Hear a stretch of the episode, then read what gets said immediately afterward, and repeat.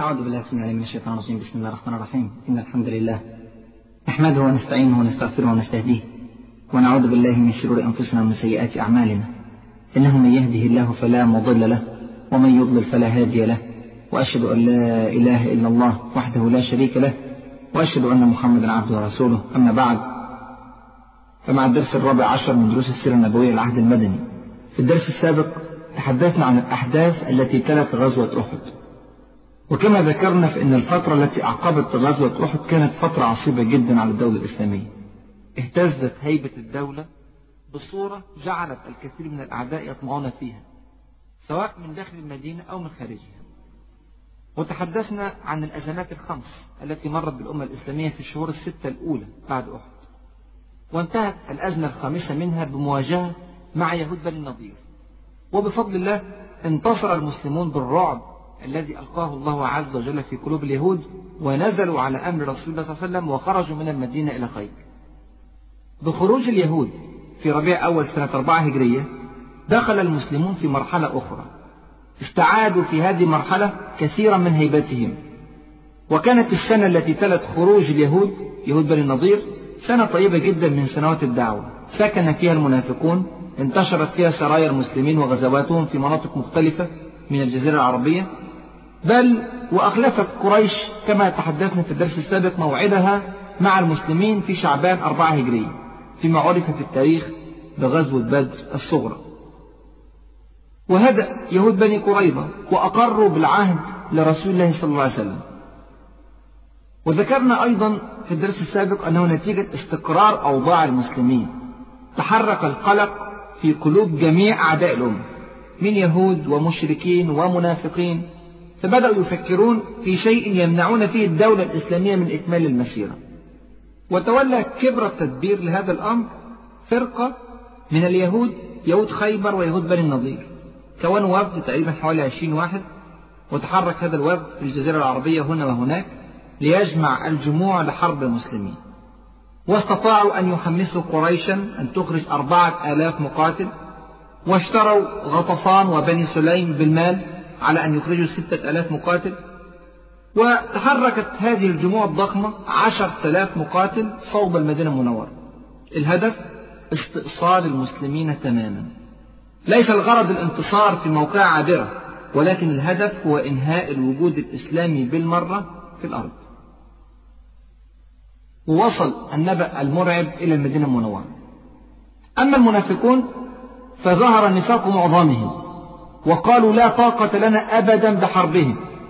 وظهرت عليهم علامات الرعب والهلع. هؤلاء لم يكتفوا بالهلع والقعود بل حاولوا أن يمنعوا الآخرين من الحرب بحجة أنها حرب لا طائل من ورائها.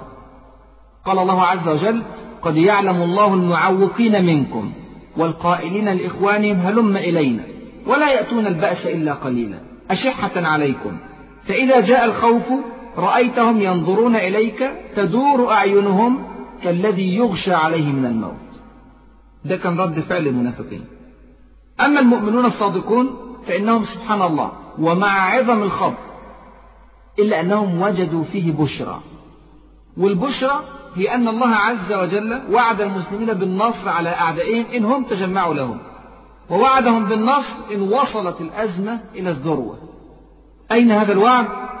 يقول ابن عباس رضي الله عنهما هذا الوعد في قوله تعالى في سورة البقرة أم حسبتم أن تدخلوا الجنة ولما يأتكم مثل الذين خلوا من قبلكم مستهم البأساء والضراء وزلزلوا. حتى يقول الرسول والذين أمنوا معه متى نصر الله؟ ألا إن نصر الله قريب. المسلمون الآن يقتربون من مرحلة الزلزال فإذا النصر أيضا يقترب. ده كان شعور المسلمين. علشان كده خدوا الموضوع بمنتهى الجدية. وبدأوا يفكرون في الأزمة القادمة بإيجابية. نعمل إيه؟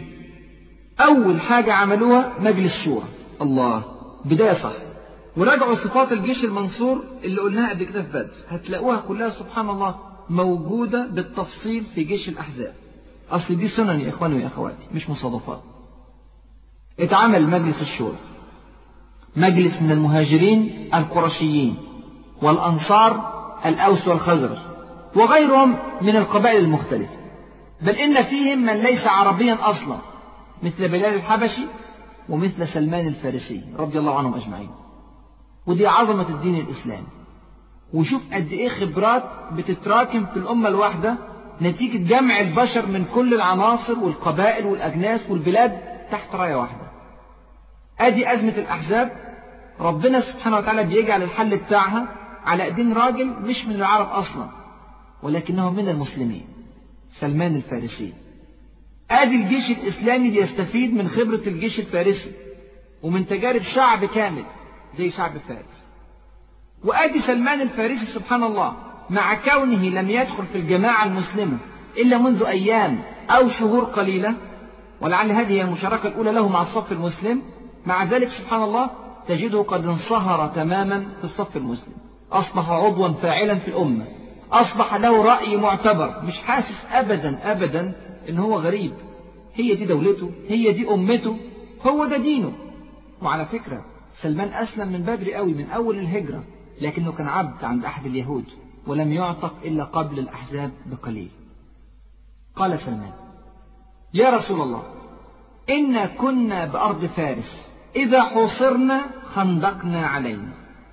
الرسول صلى الله عليه وسلم والصحابة سمعوا الفكرة سبحان الله عجبتهم. وبسرعة ظهرت فيهم صفة الحسم وعدم التردد. خدوا القرار مباشرة. لازم نبدأ في الحفر حالا. وهنا بنشوف حاجة مهمة جدا يا إخواني ونقف عليها. هي واقعية المنهج النبوي. يعني إيه واقعية المنهج النبوي؟ واحد ممكن يقول كيف يجبن المسلمون عن اللقاء فيحفروا الخندق ولا يحاربون. والإجابة هنا أن الإسلام دين واقعي مع قناعتنا التامة بأن ربنا سبحانه وتعالى معانا إذا كنا معاه وهينصرنا إن نصرناه إلا أننا بناخد سبحان الله بكل الأسباب. عشر تلاف مقاتل مشرك ضد ثلاث تلاف مقاتل مسلم هم كل أهل المدينة الرجال لقاء غير متكافئ. وبالذات أن العشر تلاف دولت ممكن يزيدوا وممكن يجي معاهم يهود خيبر. وممكن تيجي قبائل مشركة تانية غير قريش وغطفان وبني سليم. ممكن أي حاجة تحصل.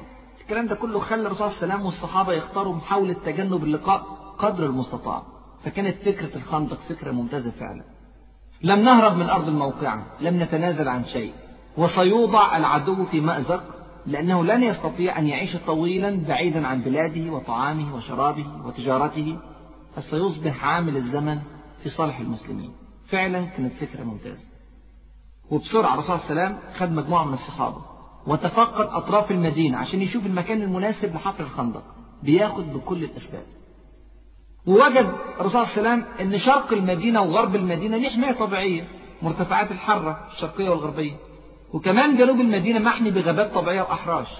تفضل منطقة الشمال ومنطقة الجنوب الشرقي. منطقة الجنوب الشرقي فيها ديار بني قريظة. وهم إلى الآن على العهد مع رسول الله صلى الله عليه وسلم. والعهد لا يقضي فقط بعدم معاونة قريش ولا إجارتها ولكن يقضي أيضا بالدفاع المشترك عن المدينة المنورة. إذا دهمها عدو أيا كان هذا العدو. ولذلك الرسول صلى الله عليه وسلم أرسل إليهم رسالة ليؤكد العهد معهم. فأكدوا العهد. وتأكيدهم ده يا إخواني مهم جدا جدا لأن جيوش المشركين لو دخلت من عندهم ده معناه إنهاء الوجود الإسلامي تماما. واستئصال شعب المسلمين بكامله. ونحط طبعا الكلام ده في أذهاننا هيكون له تطبيق في آخر المحاضرة. تفضل منطقة الشمال هي اللي مفتوحة. ولذلك الرسول صلى الله عليه وسلم أخذ القرار بحفر الخندق في شمال المدينة المنورة ليغلق المنطقة ما بين الحرة الشرقية والغربية. وإذا كان القرار زي ما شفنا سهل وسريع فالتنفيذ مش بس صعب لا تقدر تقول التنفيذ ممكن يبقى مستحيل. مشروع حفر الخندق ده مشروع لا يتخيله عقل بأي حال من الأحوال. مشروع جبار بمعنى الكلمة. الخندق عمقه خمسة متر وعرضه خمسة متر في أقل التقديرات. بعض التقديرات بتوصل بيه العرض عشرة و12 متر. لكن خلينا في عرض خمسة متر. وطوله 12 كيلو. تخيل. 12 كيلو. 12 ألف متر. المعلومات ديت من الموقع الرسمي للمدينة المنورة على الإنترنت. موقع المساحة بتاع المدينة المنورة.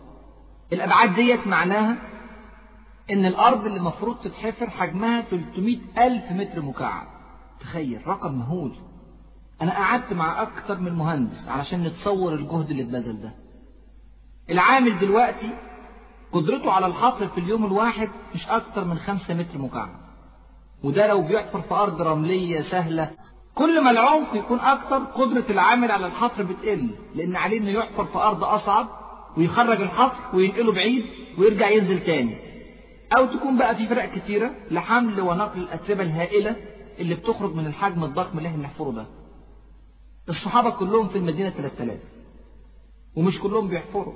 في ناس مشغولة بالحراسة في نبطشيات مستمرة ليل نهار وفي ناس بتخدم في أمور الطعام والشراب. وفي ناس ممكن تبقى مريضة أو كبيرة في السن ومع ذلك لو كلهم اشتغلوا مستحيل تخلص حفر الخندق في هذا الزمن القياسي. حفر الخندق خد أسبوعين بس أسبوعين بس. تخيل؟ هنفترض إن كل صحابي هيشتغل 16 ساعة يوميا مش 8 هيضاعف الشغل. برضه صعب. صعب جدا. كل ده مع افتراض إن الأرض رملية سهلة. فلو تخيلت إن الأرض صخرية بتحتاج في زماننا دلوقتي إلى معدات خاصة جدا وشواكيش إلكترونية ولوادر خاصة هتعرف قد إيه العمل ده كان جبار. لو أضفت لكده إننا بنحفر لعمق خمسة متر مش متر واحد. ولو أضفت لكده أن نقل كميات التراب لأماكن بعيدة عن الحفر هي برضو مسؤولية نفس ال 3000 صحابي اللي بيحفروا دول ولو أضفت أن الخندق متسع في بعض الأماكن إلى أكثر من 5 متر ولو أضفت نقص خبرة المسلمين في هذا العمل أول مرة في حياتهم يحفروا خندق. ولو أضفت بقى كثرة الأعداد العاملة وتوزعها على 12 كيلو إزاي ممكن تدير فرق بهذه الضخامة؟ وإذا أضفت إلى كل ذلك أن هؤلاء يعملون في ظروف شديدة الصعوبة من جوع وبرد وخوف من قدوم الأعداء في أي لحظة؟ سبحان الله. لو أضفت كل ده هتعرف أن ده عمل جبار فعلا. بكل المقاييس جبار. العمل ده في زماننا محتاج عشان يتم في أسبوعين أكتر من 200 لودر وشواكيش إلكترونية زي ما قلنا وعشرات السيارات النقل عشان تشيل الأتربة وعايز إدارة هندسية كاملة ومحتاج مجموعة من الاستشاريين المتخصصين في الحفر عايز تعرف صعوبة المشروع ده؟ قارنه مثلا بمشروع مترو الأنفاق. شوف قد إيه كان صعب. وخدنا فيه عشر سنين وتعطلت الدنيا في ألف حتة واتسرق الونش من ميدان رمسيس. المهم مشروع الخندق فعلا يا إخواني كان مشروع خرافي فعلا. واحد من المهندسين اللي كنت بحسب معاه حجم المشروع ده رمى القلم من إيديه وقال لي لا لا يا دكتور مش هينفع مش هينفع ابدا الموضوع ده مش في إمكانيات البشر. قلت له صدقت. في حاجات مش هتعرف تفهمها إلا أن تكون مؤمنا حقا بالله عز وجل. فاكرين كلامنا على غزوة بدر؟ فاكرين إزاي النصر تم؟ فاكرين جند البركة؟ أن يضخم الله عز وجل جدا جدا من نتيجة جهد يبدو في ظاهره بسيطا فينتج نتائج عجيبة؟ فاكرين الكلام ده؟ البشر في العادي ما يقدروش بأي حال من الأحوال إنهم يعملوا العمل ده. بس ربنا سبحانه وتعالى لو أراد بيخليهم يقدروا سواء كان بإيديهم أو معاهم ملائكة أو جنود إحنا مش شايفينها. لكن ده واقع شفناه وبنشوفه وهنفضل نشوفه لحد يوم القيامة. طول ما في ناس تستحق نصر ربنا سبحانه وتعالى. واتحفر الخندق العملاق وتم المشروع الجبار ولازم نقف وقف المشروع ده نجح تماما. المشروع ده عمل جماعي ضخم. لازم ليه ضوابط خلته ينجح. يا ترى الرسول صلى الله عليه وسلم عمل إيه عشان يدي المشروع ده أكبر فرص النجاح؟ الحقيقة يا إخواني الرسول صلى الله عليه وسلم ادار المشروع بكفاءة غير متخيلة. وضع لنا قواعد نجاح الأعمال الجماعية أي عمل جماعي أي مشروع كبير. وعلى فكرة لو حتى مجموعة من المشركين غير المؤمنين أخذوا بالقواعد دي هينجحوا. ما بالكم لو كانوا مؤمنين وربنا سبحانه وتعالى بيأيدهم. يا ترى إيه هي ضوابط العمل الجماعي اللي علمها لنا الرسول صلى الله عليه وسلم؟ الضوابط كتيرة جدا جدا لكن تعالوا ناخد منها أربعة بس مش عشرة. أولا مشاركة القائد لجنوده مشاركة الحاكم لأتباعه مشاركة صاحب العمل لعماله. لو شارك القائد جنوده فإنهم لا شك يخرجون أقصى طاقتهم. ومش نتيجة خوفهم من القائد لا. نتيجة شعورهم بقضية مشتركة مهمة. نتيجة إحساسهم إن الموضوع ده بتاعهم كلهم. الرسول صلى الله عليه وسلم وهو النبي المطاع وهو الحاكم لدولة المدينة وهو القائد الأعلى لجيش المسلمين بينزل بنفسه يحفر مع المسلمين. مش بس بيشرف على الحفر لا بيحفر بنفسه. بيضرب بالمعول بنفسه بيشيل التراب بنفسه. كشف بطنه علشان الملابس لا تعوق الحركة. والصحابة مش شايفين بطنه من التراب اللي مغطيها. متخيلين؟ هي دي ضوابط نجاح العمل الجماعي. الجيش كله جعان. مفيش أكل. شوف كلام أنس. رضي الله عنه عن المسلمين أيام الأحزاب يقول كان أهل الخندق يؤتون بملء كفي من الشعير وأنا ساعتها طفل صغير تخيل الكف كله قد إيه؟ فيصنع لهم فيصنع لهم بإهالة سنخة الإهالة اللي هي دهن. سنخة يعني تغير لونها وطعمها من القدم توضع بين يدي القوم والقوم جياع وهي بشعة في الحلق. كلام لأنس إخوان وهي بشعة في الحلق ولها ريح منتن. هو ده أكلهم. طب الشعب الجعان ده القائد بتاعه بياكل إيه؟ شوف أبو طلحة الأنصاري رضي الله عنه بيقول إيه؟ شكونا إلى رسول الله صلى الله عليه وسلم الجوع فرفعنا عن بطوننا عن حجر. فرفع صلى الله عليه وسلم عن حجرين. الشعب جعان القائد جعان أكتر من الشعب. ده شعب ممكن ينجح فعلا في أعماله الجماعية. كتير بنفشل في أعمالنا الجماعية لأننا بنسمع خطب رنانة تدعو إلى الكفاح وإلى العمل وإلى الجهد وإلى شد الحزام وإلى الانتماء. ثم لا نجد من يلقي بالخطب الرنانة في الخندق مع الشعب. بالليل وحده الشعب كادح وقواده مستريحين الشعب بائس وقواده مترفين. الشعب جعان وقواده شبعانين. إزاي ممكن عمل ينجح في وضع زي ده؟ جابر بن عبد الله رضي الله عنهما كان عنده طعام قليل جدا جدا. قليل من اللحم وقليل من الخبز. يكفي لرجلين أو ثلاثة. راح رسول الله صلى الله عليه وسلم. شايفه جعان أكثر من الناس كلها. هو نفسه بيقول رأيت في النبي صلى الله عليه وسلم خمصا شديدا يعني جوع شديد. حب يعزم الرسول صلى الله عليه وسلم واثنين من أصحابه. الرسول صلى الله عليه وسلم عرف إن في أكل. ما راحش في السر علشان ياكل. سبحان الله.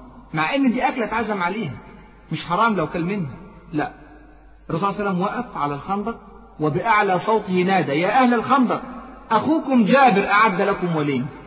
طبعا جابر اتخض. راح يجري لمراته يقول لها الفضيحة الفضيحة.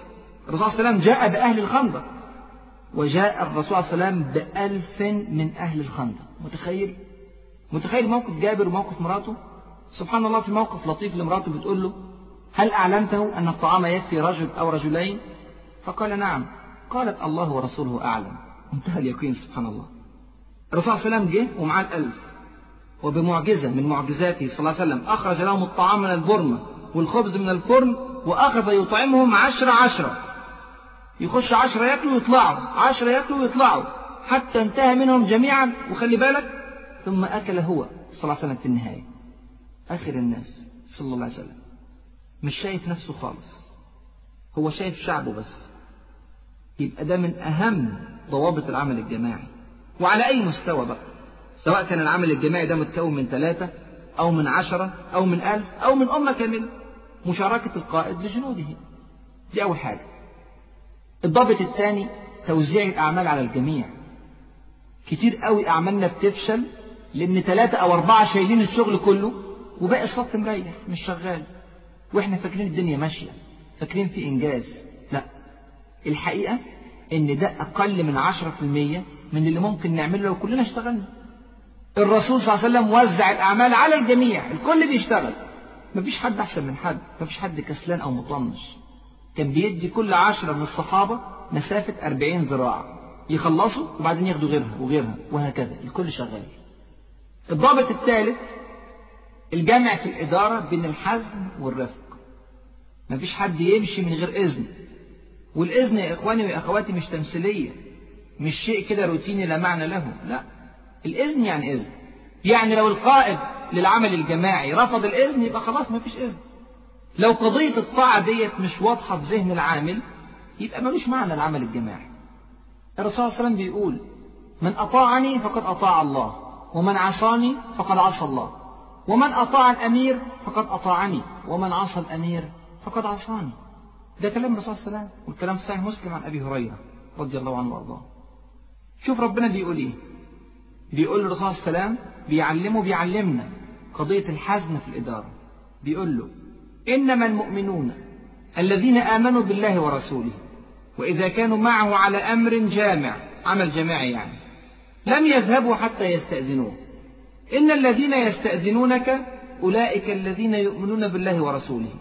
فإذا استأذنوك لبعض شأنهم فأذن وخلي بالك فأذن لمن شئت منهم.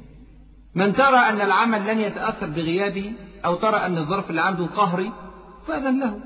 يعني الإذن مش مجرد إعلام لقائد العمل لا.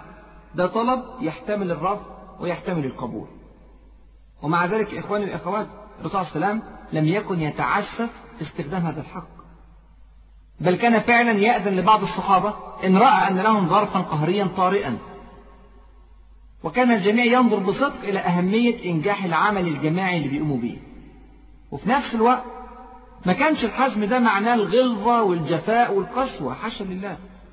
لكن الرسول صلى الله عليه وسلم علمنا إزاي ممكن نجمع بين الحزم والهيبة والاحترام مع اللطف في المعاملة والرقة في الحديث بل وبالدعابة والمرح والترفيه. تعال نشوفهم هما بيحفروا الخندق. الرسول صلى الله عليه وسلم شغال مع الصحابة في نقل التراب وهو بيعمل إيه؟ ينشد معهم شعر ابن رواح رضي الله عنه. يقول الكلام لرسول صلى الله عليه وسلم هو اللي بينشد يقول اللهم لولا أنت ما اهتدينا ولا تصدقنا ولا صلينا فأنزلا سكينة علينا وثبت الأقدام إن لاقينا إن الأولى قد بغوا علينا وإن أرادوا فتنة أبينا. الشعر قال عبد الله بن رواحة رضي الله عنه لكن اللي بينشده دلوقتي الرسول صلى الله عليه وسلم وكمان كان بينشده بنوع من الغناء يمد صوته صلى الله عليه وسلم في آخره في آخر الكلمة أبينا هكذا. ويشوفهم الرسول صلى الله عليه وسلم بيحفروا في البرد وفي الجوع فيقول اللهم إن العيش عيش الآخرة فاغفر للأنصار والمهاجرة. وفي رواية فاغفر للمهاجرين والأنصار لأنه صلى الله عليه وسلم ما كانش بيعرف يقول الشعر. فيرد عليه الصحابة ويقولون نحن الذين بايعوا محمدا. على الجهاد ما بقينا أبدا. شايفين الجو ده؟ أيوة في حزم ونظام وترتيب وخطة لكن في جو جميل من الألفة والمحبة والسعادة الحقيقية. إزاي عمل ممكن يفشل في الجو ده؟ مش ممكن. يبقى قلنا ثلاث ضوابط مهمة للعمل الجماعي. مشاركة القائد لجنوده توزيع العمل على الجميع الجامع في الإدارة بين الحزم والرفق. فاضل ضابط رابع مهم جدا جدا. إنك تحس إن العمل ده ممكن إن فرصة النجاح كبيرة. رفع الهمة ببث الأمل في النفوس. مش هنسى أستاذ كان بيمتحني في الكلية امتحان شفوي. ربنا بقى يسامحه. أول ما دخلت عليه قال لي هسألك سؤال وأنا متأكد إنك مش هتعرف تجاوب. يا لطيف. طب ليه الإحباط؟ ليه تقتل في اللي قدامك كل أمل في النجاح؟ الرسول صلى الله عليه وسلم كان بيرفع همة الصحابة رضي الله عنهم وأرضاهم جميعا في كل المواقف الصعبة. ده كان منهج حياته صلى الله عليه وسلم. واللي عملوا أيام حفر الخندق فوق التخيل. مش بيقول لهم في أمل في حفر الخندق ولا بيقول لهم في أمل إننا ننتصر على الأحزاب اللي جاية ولا بيقول لهم في أمل ننتصر على العرب. لا بيرفع همتهم لأعلى من كل أحلامهم. ده بيزرع جواهم أمل في سيادة العالم العالم وليس في سيادة المدينة أو الجزيرة العربية. شوف إزاي ممكن عمل جماعي ينجح. اسمع. قال صلى الله عليه وسلم وهو يضرب صخرة صعبة اعترضت الصحابة. قال بسم الله الله أكبر أعطيت مفاتيح الشام. والله إني لأنظر قصورها الحمر الساعة. تخيل يبشر بفتح الشام في لحظة حفر الخندق. ثم ضرب الثانية فقطع آخر. يعني قطع جزء آخر من الصخرة. فقال الله أكبر أعطيت فارس. والله إني لأبصر قصر المدائن الأبيض الآن. سبحان الله. بيقول لهم شايف قصر الحكم بتاع فارس مملوك للمسلمين. إني لأبصر قصر المدائن الأبيض الآن. ثم ضرب الثالثة فقال بسم الله. فقطع بقية الحجر. فقال الله أكبر أعطيت مفاتيح اليمن. والله إني لأبصر أبواب صنعاء من مكاني. تخيل. عظم كده من أحلامك كبر أهدافك. مش قضيتنا أبدا هي الحصار ولا قضيتنا هي الدولة الصغيرة اللي إحنا عايشين جواها لا. قضيتنا هداية العالمين. قضيتنا حمل هذه الرسالة إلى كل بقاع الأرض. ويبشرهم إن الكلام ده مش أوهام لا. هيحصل. إن شاء الله هيحصل. وهيوصل الإسلام إلى فارس والروم واليمن وهيوصل لكل بقعة في العالم قديما وحديثا لأن ده وعد ربنا سبحانه وتعالى. والله لا يخلف الميعاد. علشان كده يا إخواني وأخواتي الصحابة نجحوا فعلا في حفر الخندق العملاق. لو كان عندهم يأس وإحباط ما كانوش قدروا يحفروا 20 أو 30 متر مكعب بس. مش هقول لك 300 ألف متر مكعب. واتحفر الخندق. والمشروع نجح. ومع ذلك الامتحان لسه ما انتهاش. لسه هنخش في مرحلة الزلزال؟ علشان نخلص من كل المنافقين. وجاءت الأحزاب. الكلام ده كان في شوال خمسة هجرية. عشر تلاف مقاتل مشرك من قريش وغطفان وبني سليم وغيرهم. والرسول صلى الله عليه وسلم ما اكتفاش بحفر الخندق وقعد بعد كده سلبي لا. جمع الصحابة الثلاث آلاف اللي اشتركوا في الحفر. ونظم نقط حراسة للخندق وفرق قتال وكتائب مقاومة. علشان يمنع المشركين من تخطي الخندق تحت أي ظرف. والأحزاب اتفاجئت مفاجأة العمر. عملوا في حسابهم كل شيء إلا هذا الخندق. قالوا هذه مكيدة ما عرفتها العرب وصدقوا. بس هم نسيوا إن المسلمين مش بس عرب. وبدأ المسلمون في رمي المشركين بالنبال علشان يمنعوهم من عبور الخندق أو ردم الخندق. وحاول المشركون بكل ضراوة أن يقتحموا الخندق. ونجحوا فعلا في العبور من مكان ضيق في الخندق بفرقة على رأسها أحد أبطالهم كان اسمه عمرو بن عبد ود ومعاه عكرمة بن أبي جهل وضرار بن الخطاب وغيرهم من فرسان قريش. لكن تصدى لهم المسلمون وحدثت مبارزة رهيبة بين عمرو بن عبد ود وعلي بن أبي طالب رضي الله عنه. ولكن سبحان الله من الله عز وجل على البطل الإسلامي العظيم علي بن أبي طالب بقتل الفارس القرشي الكبير عمرو بن عبد ود وهرب بقية الناس اللي كانوا معاه. وتكررت محاولات المشركين مرة واثنين وثلاثة وعشرة. وتصدى أسيد بن حضير رضي الله عنه بكثير من 200 مسلم لفرقة فرسان بقيادة خالد بن الوليد. واستطاع أن يردهم منهزمين. يعني خالد بن الوليد ما قدرش على أسيد بن حضير وفرقته المسلمة. في يوم الأحزاب. وأحيانا كان بيدور الصراع حوالين الخندق لفترات طويلة لدرجة أنه في أحد الأيام فضل المسلمين سبحان الله يدافعوا عن الخندق من قبل صلاة العصر إلى ما بعد صلاة المغرب وضاعت عليهم صلاة العصر. والحدث ده فريد جدا جدا في السيرة نادر جدا جدا أن يضيع فرد من المسلمين. وهز المسلمين الأمر إزاي ممكن تضيع منهم صلاة؟ حتى قال صلى الله عليه وسلم كما جاء في البخاري ملأ الله عليهم بيوتهم وقبورهم نارا كما شغلونا عن الصلاة الوسطى حتى غابت الشمس. بل إن في مسند أحمد بن حنبل رحمه الله والشافعي رحمه الله أن الكفار أضاعوا على المسلمين في أحد الأيام صلاة الظهر والعصر والمغرب فصلوهم كلهم مع العشاء. المقاومة فعلا كانت شرسة وأصيب فيها الكثير من الصحابة رضي الله عنهم وأرضاهم أجمعين والحصار طال. مش هقول لك يوم ولا اتنين لا شهر كامل شهر كامل. والموضوع زي ما هو صعب على المسلمين كان برضه صعب على الكفار. إن تكونوا تألمون فإنهم يألمون كما تألمون. والكلام ده اتكلمنا عليه قبل كده في غزوة أحد. والكفار مش عارفين يتصرفوا. وأخيرا جالهم حل. الحل كان عند اليهود. واليهود زي ما جمعوا الأعداد دي كلها لسه برضه بيفكروا في استئصال المسلمين. طب يعملوا إيه؟ كان خارج مع المشركين أحد زعماء اليهود أحد عتاة اليهود حيي بن أخر من أشدهم كفرا وحقدا وغلا وحسدا. قال لهم ما فيش غير حل واحد بني قريظة. بنو قريظة على جنوب الشرق لمدينة المنورة. لو فتحوا الأبواب للمشركين عشان يخشوا المدينة يبقى خلاص انتهت المدينة. ما بالكم لو حاربوا مع المشركين؟ طبعا المشركين سمعوا الفكرة من حيي بن أخطب عجبتهم وافقوا. فاضل بس إقناع بني قريظة بمخالفة العهد مع رسول الله صلى الله عليه وسلم والسماح للمشركين بدخول المدينة لاستئصال الشعب المسلم بكامله. وراح حيي بن أخطب عشان يؤدي المهمة القذرة. والتقى حيي بن أخطب مع زعيم بني قريظة كعب بن أسد. فقال له حيي إني قد جئتك يا كعب بعز الدهر.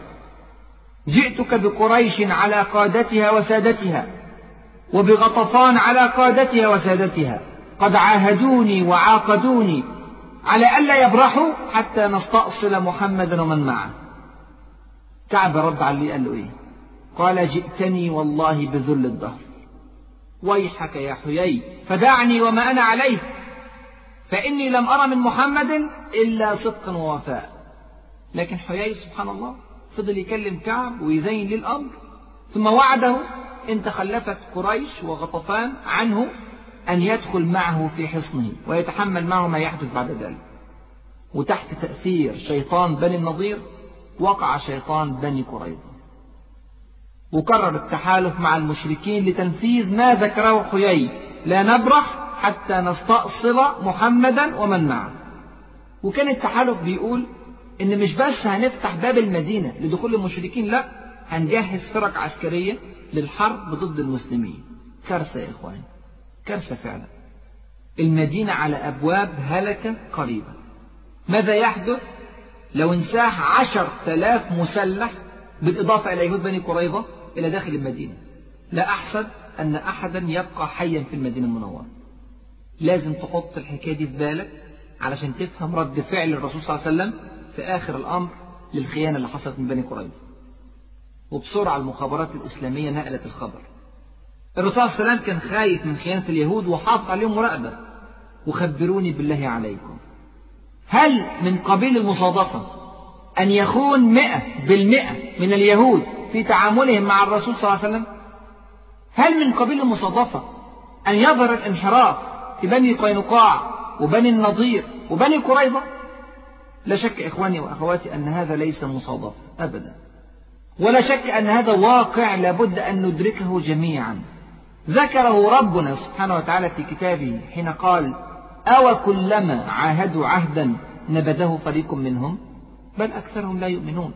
شوف المعاني اللي بتيجي في ذهنك لما تسمع اللفظ القرآني أو كلما معقولة؟ كل مرة كده؟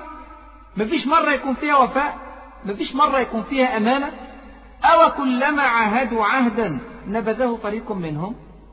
الكلام ده مش مصادفة أبدا. الكلام ده قاعدة ولازم نعرفه كويس. الخبر وصل لرسول الله صلى الله عليه وسلم. الرسول قبل ما ياخد أي رد فعل أراد أن يستوثق من الخبر. أرسل مجموعة من الصحابة للتأكد. فيهم سعد بن معاذ سعد بن عبادة عبد الله بن رواحة وغيرهم. وبعدين قال لهم حاجة في منتهى الأهمية وركز معايا. قال انطلقوا حتى تنظروا. أحق ما بلغنا عن هؤلاء القوم أم لا؟ فإن كان حقا فالحنوا لي لحنا أعرفه. سبحان الله. ولا تفتوا في أعضاد الناس. يعني إن كانوا حقا قد غدروا فلا تذكروا ذلك أمام الناس عشان ما يحصلش إحباط. وإن كانوا على الوفاء فاجهروا به للناس. يا سلام. حكمة. ساعات المسلمين بينشروا أخبار وخطط وتسليحات وأعداد وإمكانيات العدو على صفحات الجرائد وعلى شاشات التلفزيون. يحس المسلم المشاهد لهذه الأخبار إنه ما فيش أمل ما فيش فايدة أبدا. لكن الرسول صلى الله عليه وسلم بيعلمنا ليس كل ما يعرف يقال. وراحت المجموعة الإسلامية لبني قريظة وتكلموا معاه مباشرة. سألوهم بمنتهى الصراحة أما زلتم على العهد؟ جهر في ذلك الوقت يهود بني قريظة بالسوء. سبحان الله. سبوا الرسول صلى الله عليه وسلم وقالوا من رسول الله؟ لا عهد بيننا وبين محمد ولا عاطف كارثة يا إخوان. رجع الصحابة بسرعة عليه الصلاة والسلام وقالوا عضل وقارة. فاكرين عضل وقارة؟ أي غدروا كغدر عضل وقارة. القبائل التي غدرت بالمسلمين عند ماء الرجيع. الرسول صلى الله عليه وسلم يا إخواني حزن حزنا شديدا لهذا الخبر لدرجة أنه تقنع بثوبه يعني غطى رأسه بالثوب ومكث طويلا صلى الله عليه وسلم. يفكر إيه اللي يحصل وبعدين سبحان الله رفع رأسه فجأة وقال للمسلمين بصوت عال الله أكبر أبشروا يا معشر المسلمين بفتح الله ونصره. بيحاول قدر المستطاع أن يرفع من همة الصحابة رضي الله عنهم وأرضاهم. وعلى الرغم يا إخواني وأخواتي من محاولات الرسول صلى الله عليه وسلم لتجنب انتشار الخبر إلا أن سبحان الله في لحظات شاء الله عز وجل للخبر أن ينتشر.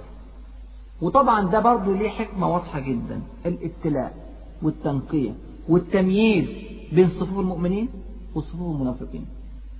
كل ما حدث من الأحزاب وحصار المدينة كان درجة من درجات الابتلاء. أما الآن فقد وصل المسلمون إلى ما أسميه مرحلة الزلزال. المرحلة التي يزلزل فيها المسلمون زلزالا لا يثبت فيه إلا الصادق حقا.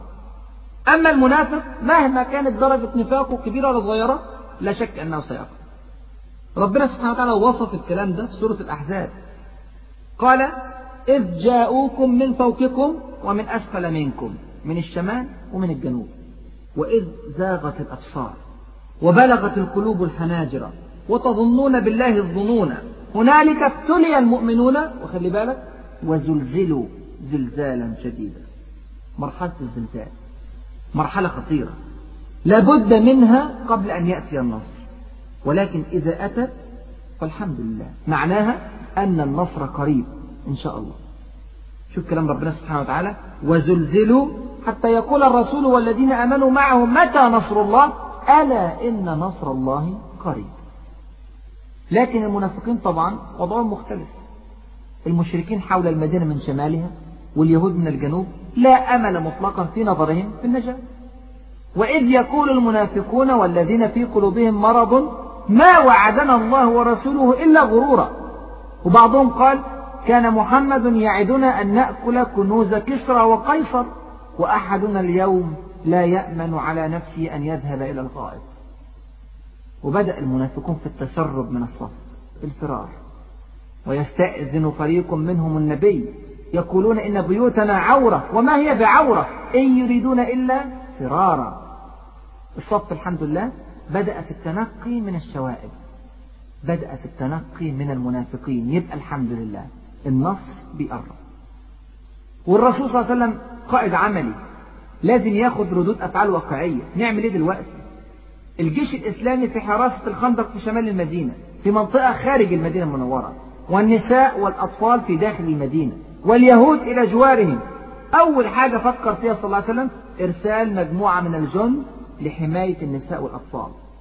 وعلى فكرة ما يروى من قصة دفاع السيدة صفية عن الحصن ضد اليهودي ورفض حسان بن ثابت رضي الله عنه أن يهاجم اليهودي. هذه رواية لا صحة لها. السند فيها منقطع وفيها طعن لا يصح أبدا في صحابي جليل كحسان بن ثابت رضي الله عنه وأرضاه. وما تنسوش إن حسان بن ثابت كان من الشعراء. ولو حدث فعلا الحكاية ديت لما تركه أحد من شعراء قريش دون هجاء. يبقى الرسول صلى الله عليه وسلم بعت فرقة لحماية الجبهة الداخلية في المدينة المنورة. ولازم نفكر في الموقف من جديد. وبسرعة. الآن الحصار من قريش وغطفان واليهود. هنعمل إيه؟ لازم نعمل محاولة لفك التحالف الرهيب ده. الرسول حب يعمل عرض مادي يحاول بهذا العرض أن يفك التحالف. يا ترى يعمله مع مين؟ مع قريش ولا مع اليهود ولا مع غطفان؟ طبعا قريش مش هينفع. تاريخ العداء طويل. ودول مش جايين بس علشان فلوس لا هناك دوافع عقائدية كبرى. وبرضه اليهود مش هينفع لأن حقدهم على الرسول السلام كبير جدا جدا. ودلوقتي قالوا كلام في حق المسلمين مش هيعرفوا يرجعوا عنه. وفي نفس الوقت التعاهد معاهم مش مضمون لأنهم متعودين على الخيانة. يبقى فاضل غطفان. غطفان ما جاتش للحرب وهي متحركة شوقا لقتال الرسول صلى الله عليه وسلم. لا جاءت من أجل مال خيبر. لو أعطيناها من مال المدينة ممكن ترجع. ولو رجعت صف المشركين هيتفك يبقى نحاول في الاتجاه ده. ده كان تفكير الرسول صلى الله عليه وسلم. وفعلا عقد الرسول صلى الله عليه وسلم اجتماع مع زعماء غطفان عيينة ابن حصن والحارث ابن عوف. إزاي اتقابلوا وإزاي وصلوا ليه؟ إحنا مش عارفين. المصادر لم توضح ذلك. لكن يبدو أنها كانت فرصة وفرصة سريعة جدا جدا لدرجة إن الرسول صلى الله عليه وسلم لم يجد وقت لإشراك الصحابة في اللقاء. أو إن اللقاء كان على مستوى عالي جدا جدا من السرية فلم يشترك فيه من الطرفين إلا الزعماء. الرسول صلى الله عليه وسلم من ناحية المسلمين وعيينة بن حصن والحارث بن عوف من ناحية غطفان المهم اللقاء تم. بعد مشاورات ومداولات طويلة استقر الطرفان على إعطاء غطفان تلت ثمار المدينة لسنة كاملة على أن تعود غطفان وتترك حصار المسلمين. مرتزقة. لكن الرسول صلى الله عليه وسلم علق هذه المفاوضات على قبول مجلسه الاستشاري لفكرة المفاوضات. وبالذات سعد بن معاذ وسعد بن عبادة سيدي الأوس والخزرج. واشمعنى دول بالذات؟ أولا لأنهم قريبين في المساكن بتاعتهم في المدينة المنورة من غطفان. وعشان كده هم أدرى الناس بغطفان وبما يصلح مع غطفان. والحاجة الثانية وهي الأهم أن استمار المدينة هذه والتي ستكون ثمنا لفك الحصار ليست ملكا شخصيا لرسول الله صلى الله عليه وسلم. وإن كان هو زعيم المدينة المنورة وزعيم الدولة كلها وإن كان هو النبي صلى الله عليه وسلم لكنه يحترم تماما الملكية الشخصية للأفراد. الثمار ديت ملكية شخصية للأوس والخزرج. علشان كده بعد اجتماع الرسول صلى الله عليه وسلم مع زعماء غطفان عمل اجتماع تاني مباشرة مع السعدين سعد بن معاذ وسعد بن عباد رضي الله عنهم وعرض عليهم الاتفاق اللي وصل ليه مع زعماء غطفان. وطبعا الرسول صلى الله عليه وسلم كان فاكر إن ده عرض مغري جدا جدا ينقذ المدينة من الحصار الصعب. الكلام ده تقريبا بعد شهر من الحصار في أواخر أيام الحصار. يا ترى كان رد فعل زعيمي الأوس والخزرج إيه؟ يا ترى فرحوا بالعرض ده ولا رفضوه؟ شوف الرد بتاعهم شوف قد إيه في حكمة. أول حاجة قالها سعد بن معاذ رضي الله عنه وأرضاه. وهو بيرد الرسول صلى الله عليه وسلم استمع إليه. قال يا رسول الله أمرا تحبه فنصنعه؟ أم شيئا أمرك الله به لابد لنا من العمل به؟ أم شيئا تصنعه لنا؟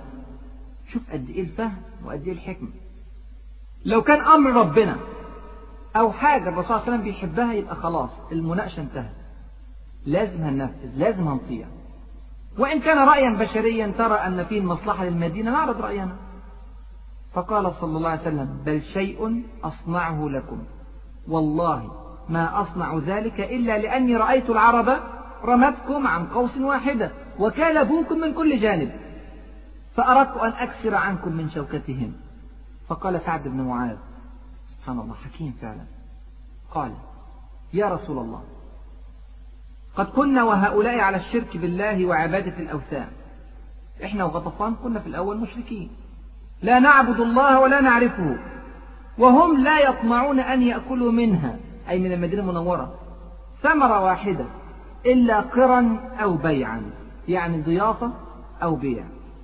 أفحين أكرمنا الله بالإسلام وهدانا به. وأعزنا بك وبه. شوف الكلام. نعطيهم أموالنا. ما لنا بهذا من حاجة؟ والله لا نعطيهم إلا السيف حتى يحكم الله بيننا وبينهم. يا سبحان الله عزة. الرسول عليه وسلم أعجب جدا جدا برأيهم مع أنه كان رأيه مخالف. وقال أنت وذاك. سعد بن معاذ لما سمع الكلام ده مسك الصحيفة محى ما فيها من الكتاب ثم قال ليجهدوا علينا. خلينا نشوف هيعملوا إيه. وأرسل الرسول صلى الله عليه وسلم إلى زعماء غطفان يعلمهم برأي المجلس الاستشاري. رفض المساومة. والحقيقة يا إخواني رأي السعدين كان في منتهى العمق والحكمة. ما كانتش أبدا نظرة عنترية غير مدروسة لا نظرة استراتيجية رائعة. مستقبل المدينة قد يتحدد بهذه المفاوضات. المشكلة مش في فقد ثلث ثمار المدينة لا دي مش مشكلة قوي. لكن المشكلة إن غطفان هتحقق انتصار غير مقبول على الدولة الإسلامية. هتهتز صورة الدولة الإسلامية أمام غطفان. بل ستهتز أمام الجزيرة العربية بكاملها. ودولت مش من الزعماء النبلاء الشرفاء لا دولت مرتزقة مأجورين. هيتفتح باب الابتزاز المستمر للمدينة المنورة. كل ما يحتاجوا فلوس هيجوا يحصروا المدينة المنورة. أما هذه الوقفة الصلبة الجريئة فإنها ولا شك ستهز غطفان من الأعماق. وبالذات أنهم مش بيفكروا في أي حاجة غير المال والدنيا. وطالب الدنيا ضعيف جدا جدا جدا أمام طالب الآخرة. وطبعا ما ننساش أن ديار غطفان قريبة من المدينة المنورة. وقريش إن آجلا أو عاجلا هترجع. هترجع لمكة هترجع لديارها. أما غطفان فباقية علشان كده لازم نحافظ كويس قوي على صورتنا قدام غطفان. الحقيقة كان قرار في منتهى الحكمة. والرسول صلى الله عليه وسلم أقره دون تردد. وليعلم الجميع أن الشورى أصل من أصول الحكم في الإسلام. وكان ممكن ربنا سبحانه وتعالى يوحي بهذا الرأي مباشرة. إلى الرسول صلى الله عليه وسلم. لكن حدوث القصة بهذه الصورة بيفتح للمسلمين أبواب الفكر والإبداع وإبداء الرأي لمصلحة الأمة الإسلامية. وخرج المسلمون للجهاد من جديد. وكأن الله سبحانه وتعالى أراد أن يختبر الصدق في كلام سعد بن معاذ رضي الله عنه. فحدث أمر شق على المسلمين كثيرا لكنه كان حلما لسعد بن معاذ رضي الله عنه. أصيب البطل الإسلامي الشاب سعد بن معاذ رضي الله عنه وأرضاه. أصيب بسهم في ذراعه أو كتفه وكانت الإصابة شديدة الخطورة وكانت أزمة فوق كل الأزمات اللي فاتت. هذا زعيم الأوس وهذا حكيم من حكماء المسلمين وهذا فارس من فرسان المسلمين وهذا هو المطاع في قومه وهذا الحبيب ليس فقط لرسول الله صلى الله عليه وسلم بل لله رب العالمين. تخيل. سعد بن معاذ قيمة كبيرة جدا جدا في الإسلام. كانت أزمة كبيرة جدا. يا ترى كان رد فعل سعد بن معاذ إيه للإصابة دي؟ شاب بيصاب إصابة قاتلة وهو عنده 37 سنة. تخيل بيقول إيه؟ قال سعد يدعو الله عز وجل. اللهم إنك تعلم أنه ليس أحد أحب إلي أن أجاهدهم فيك من قوم كذبوا رسولك وأخرجوه. قريش. اللهم فإني أظن أنك قد وطأت الحرب بيننا وبينهم. أنا بعتقد أن الحرب خلاص خلصت وإن مفيش قتال هيحصل. فإن كان بقي من حرب قريش شيء لو كان ظني ده غلط ولسه في حرب فأبقني لهم حتى أجاهدهم فيك. يا سبحان الله. وإن كنت وضعت الحرب لو كانت الحرب خلاص خلصت فافجرها. يعني إيه يا اخواني يعني أفجر إصابتي. خليها تزيد وتزيد. واجعل موتتي فيها. يا الله. شاب عنده 37 سنة. بيرجو من ربنا سبحانه وتعالى ألا يلتئم الجرح لكي يموت. عندما يصبح الموت أمنية إخواني وأخواتي. هذه موتة شهيد. وهو مش ضامن لو عاش بعد كده إنه يموت بعد كده شهيد. دي فرصة. فيدعو الله ألا تضيع هذه الفرصة. ثم قال في آخر دعائه ولا تمتني حتى تقر عيني من بني قريظة. حتى في لحظاته الأخيرة لا ينسى غدر بني قريظة لا ينسى هموم الأمة الإسلامية. والموقف تأزم جدا جدا أشد مراحل الزلزال. وما عادش في الصف ولا منافق. كله خرج خلاص. ما عادش فاضل غير المسلم الصادق. والمسلمين عملوا كل اللي عليهم.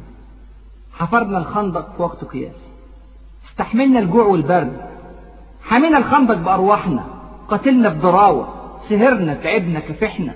عملنا مفاوضات عملنا مجال الشورى عملنا كل اللي ممكن يتعمل في ظروف زي دي. وقبل كده وأثناء كده وبعد كده اجتهدنا في الدعاء. عارفين إن النصر مش من عندنا ابدا عارفين إنه من عند ربنا سبحانه وتعالى.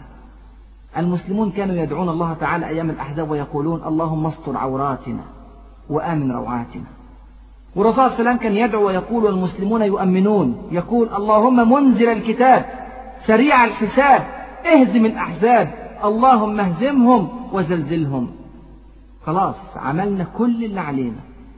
يبقى الامتحان انتهى. يبقى يجي نصر ربنا سبحانه وتعالى إن شاء الله. يجي إزاي؟ يجي زي ما تعودنا بطريقة لا يتوقعها المسلمون.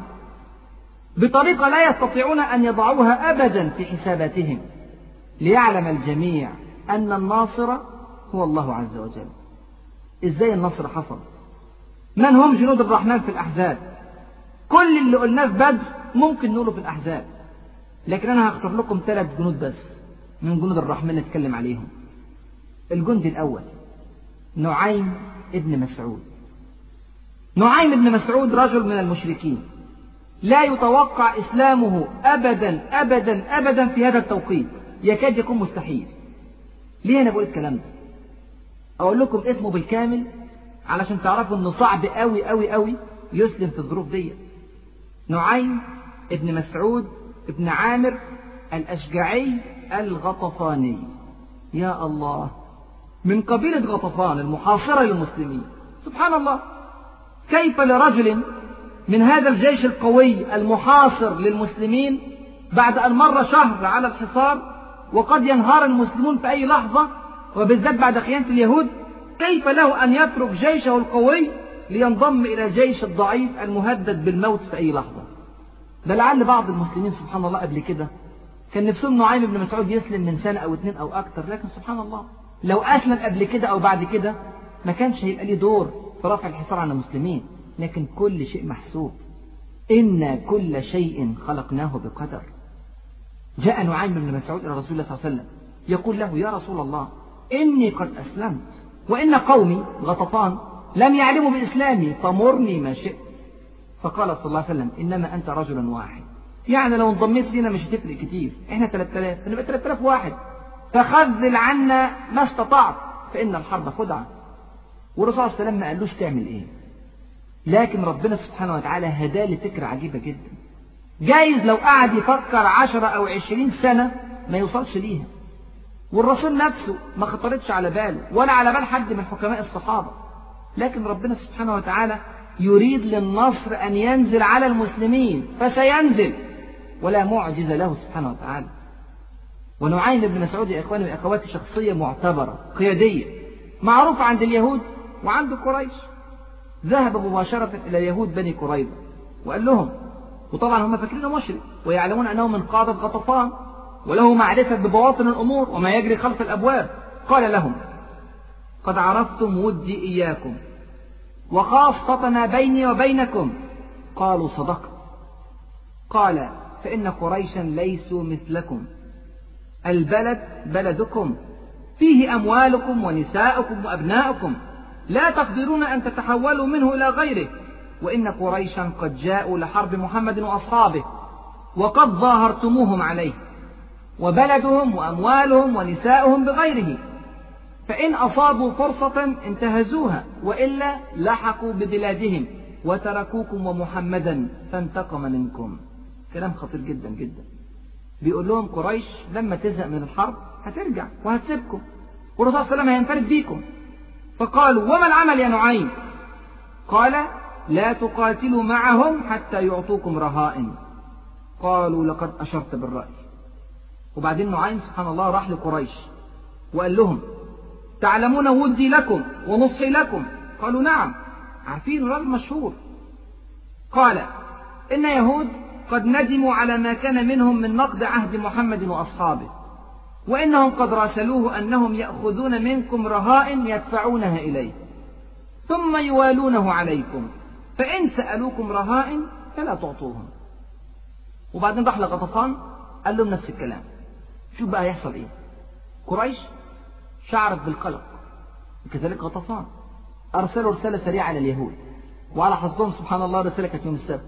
أو قل بتدبير رب العالمين كانت يوم السبت. وانتوا عارفين السبت أجازة رسمية عند اليهود. المهم قالت قريش لليهود إنا لسنا بأرض مقام. وقد هلك الكراع والخف يعني الدواب والمشي اللي معاهم. فانهضوا بنا حتى نناجز محمدا. مش هنقدر نصبر أكتر من كده. يلا نحارب. اليهود بعتوا لهم وقالوا والله يعني النهارده السبت ما نقدرش. ومع هذا فإنا لا نقاتل معكم حتى تبعثوا إلينا رهائن. كلام بقى نعيم بن مسعود. قالت قريش وغطفان صدقكم والله نعيم. فبعثوا إلى اليهود وقالوا إنا والله لا نرسل إليكم أحدا. فاخرجوا معنا حتى نناجز محمدا. فقال اليهود صدقكم والله نعيم. سبحان الله فدبت الفرقة بين الفريقين وتفتتت الأحزاب. سبحان الله. إيه رأيكم؟ إزاي أسلم نعيم بن مسعود في الوقت ده بالذات؟ وإزاي جات له الفكرة؟ وإزاي طبقها؟ وإزاي وقع فيها اليهود؟ وإزاي وقع فيها حكماء قريش وغطفان؟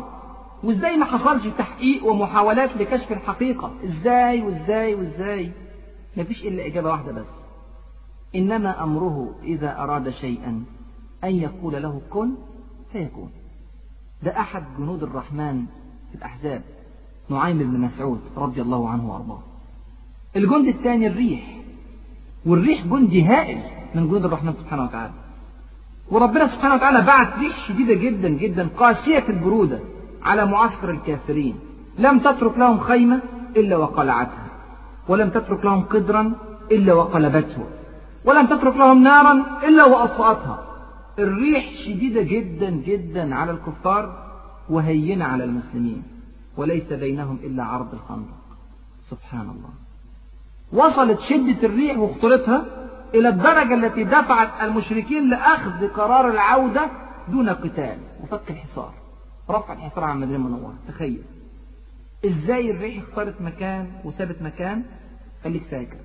إنما أمره إذا أراد شيئا أن يقول له كن فيكون. وليه الريح ما جاتش من أول يوم؟ ليه استنت شهر كامل؟ علشان يتم اختبار المؤمنين ويتميز الصادق من الكاذب والمؤمن من المنافق. طب وليه ما جاتش أقوى شوية علشان تهلك الكفار زي ما أهلكت عاد وثمود؟ لأن كل الكفار دولت أو معظمهم هيسلم ويبقى بعد كده جيش الإسلام. سبحان الله. الكون يجري وفق نواميس غاية في الدقة والإعجاز. الجند الثالث الملائكة. وربنا سبحانه وتعالى بيقول يا أيها الذين آمنوا اذكروا نعمة الله عليكم. إذ جاءتكم جنود فأرسلنا عليهم ريحا وجنودا لم تروها. وكان الله بما تعملون بصيرا.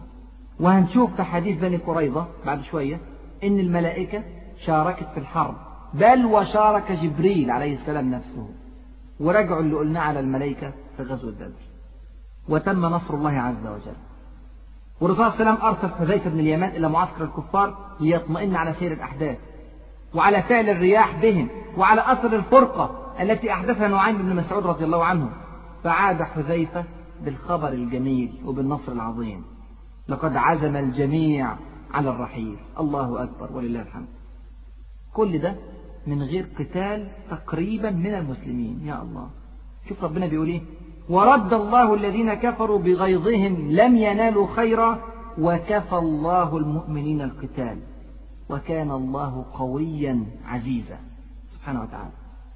وانتهت واحدة من أعظم معارك المسلمين مع أنه لم يحدث فيها قتال. وكأن الله عز وجل يريد أن يقول لنا ليس المطلوب هو تحقيق النصر ولكن المطلوب هو العمل من أجله. المطلوب هو قرار الجهاد.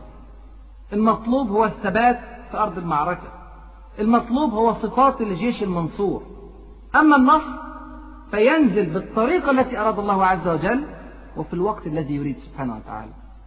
وإن كانت قصة الأحزاب انتهت فقصة بني قريظة لم تنتهي بعد.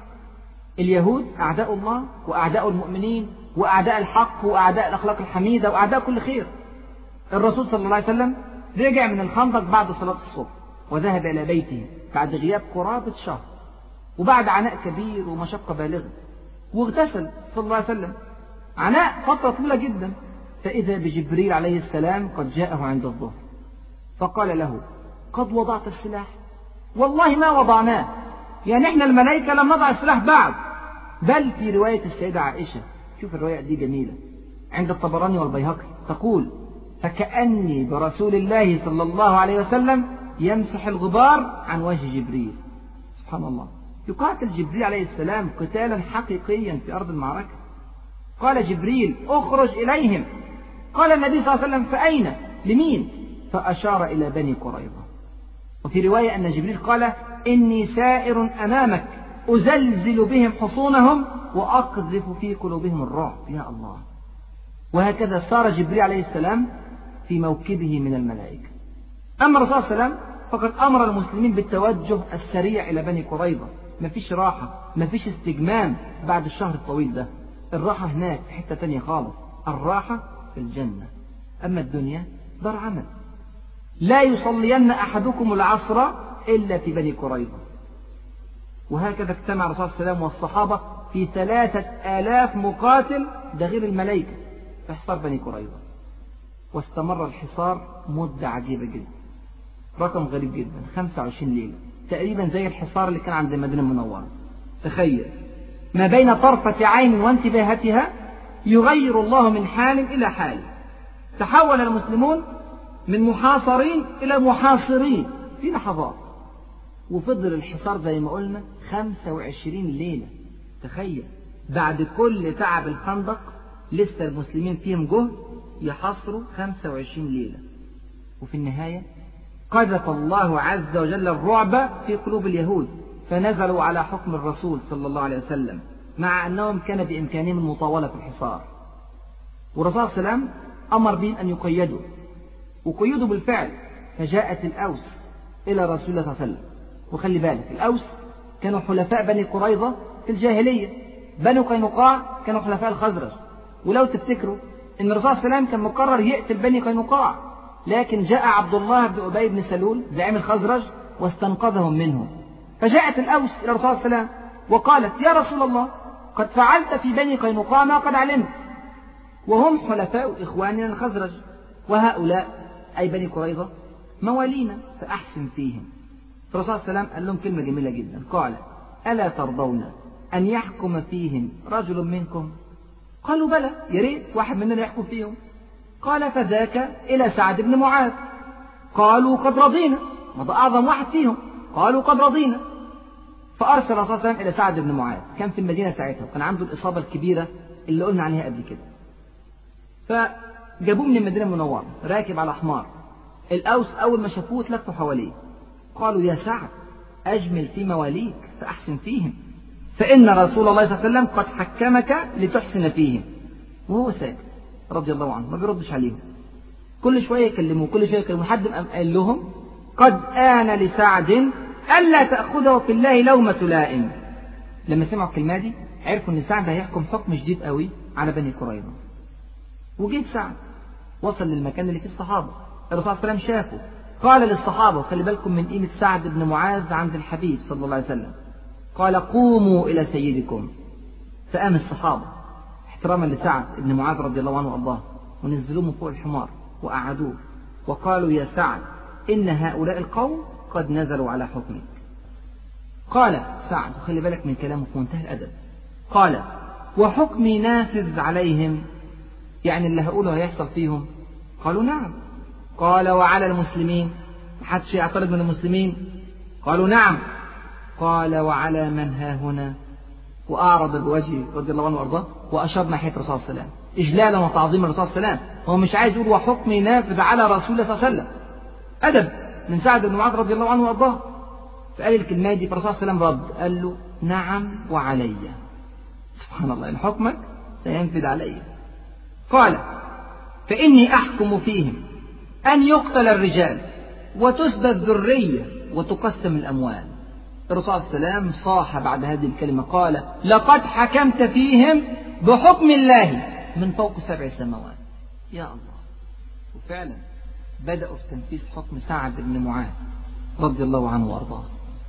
وجمعوا اليهود يهود بني قريظة وقتلوا الرجال جميعا تقريبا حوالي 400 بعض الروايات 700 وقتل معهم حيي بن أخطب.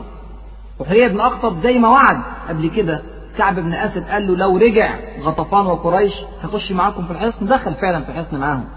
وقدم للقتل وطبعا تاريخه أسود طويل مع المسلمين. وشوف بقى بيقول إيه للرسول صلى الله عليه وسلم وهو بيتقتل. قال والله ما لمت نفسي في معاداتك ولكن من يغالب الله يغلب. يا الله. شوف عارف إن هو بيغالب رب العالمين سبحانه وتعالى بيحارب رب العالمين سبحانه وتعالى. يقر بذلك عند موته ثم يقول أيها الناس لا بأس بأمر الله كتاب وقدر وملحمة كتبها الله على بني إسرائيل. ثم جلس فضربت عنقه فقتل.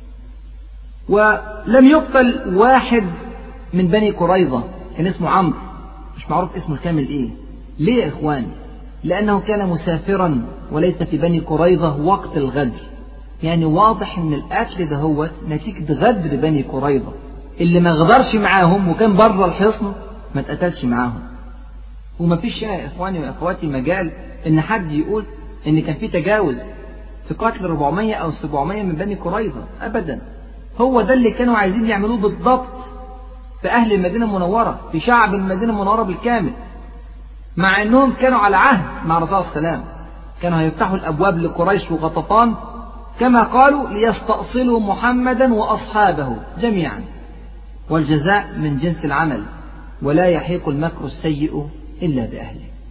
وسبحان الله بعد ما انتهت قصة بني قريظة استجاب الله عز وجل لدعوة العبد الصالح سعد بن معاذ رضي الله عنه فانفجر جرحه سالت منه الدماء حتى خرجت من خارج الخيمة رضي الله عنه وأرضاه ليلقى ربه سعيدا راضيا.